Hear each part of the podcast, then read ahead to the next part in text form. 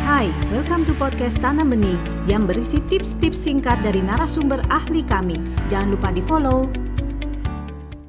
Jadi penanganan ADHD ini ya, menurut research, menurut penelitian ya, kombinasi dari terapi perilaku dan obat-obatan pada sebagian besar uh, orang dengan kondisi ADHD itu jauh lebih efektif dibandingkan hanya salah satu bentuk terapi saja. Jadi ada terapi perilaku untuk menangani ADHD itu ada yang namanya behavioral treatment atau terapi perilaku, penanganan perilaku ya.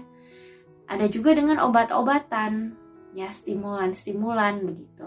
Nah, kalau bahas obat-obatan saya tidak akan bahas banyak deh karena ini ranahnya dokter baik itu neurolog anak atau spesialis anak atau psikiater mereka yang lebih paham. Dari segi dosis efek samping mereka jauh lebih paham. Namun research mengatakan bahwa kombinasi keduanya jadi anak minum obat plus dikasih behavioral treatment itu jauh lebih efektif dibanding hanya obat saja atau hanya behavioral treatment saja. Behavioral treatment maksudnya apa nih Bu Nah, behavioral treatment itu biasanya adalah rancangan program terapi yang isinya latihan-latihan ya yang dilakukan untuk mengatasi gejala-gejala perilaku yang jadi keluhan. Jadi perilaku-perilaku yang dikeluhkan tadi seperti perilaku sulit fokus, ceroboh, sulit menunggu giliran misalnya dan lain sebagainya itu dibuatkan rancangan latihannya supaya anak-anak ini menjadi bisa. Yang tadinya sulit fokus jadi bisa lebih fokus. Yang tadinya sulit menunggu jadi lebih bisa menunggu. Yang tadinya ceroboh jadi lebih teliti. Seperti itu. Nah jadi program latihan ini dibuat oleh ahlinya ya. Baik itu terapis perilaku maupun psikolog ya. Biasanya mereka yang membuat supaya anak bisa berhasil mengendalikan uh, mengendalikan dirinya atau mengontrol perilakunya. Jadi anak diajar untuk bisa handle kondisi ADHD-nya, dilatih. Pengen bergerak nih, lagi di dalam antrian atau di dalam kelas pengen motong pembicaraan gurunya. Bagaimana saya bisa tahan? Nah, itu ada latihan-latihannya, dibuatkan programnya.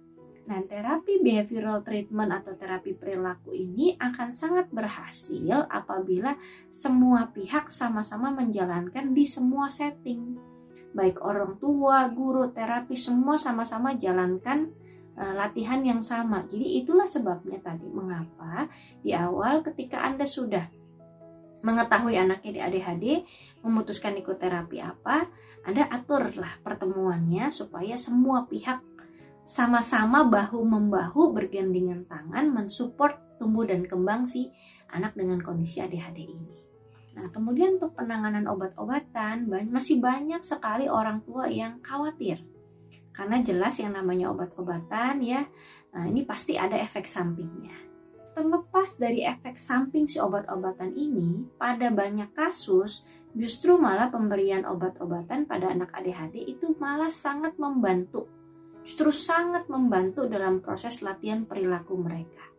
Jadi perlulah dipertimbangkan selama dosisnya sesuai, kemudian efek sampingnya bisa diatasi, nanti Anda konsultasilah dengan dokter anak atau psikiaternya bagaimana dosisnya supaya uh, benar-benar bisa maksimal atau efektif terapinya. Anda baru saja mendengarkan tips dari Tanam Benih Foundation Mari bersama-sama kita terus belajar untuk menjadi orang tua yang lebih baik demi generasi yang lebih baik.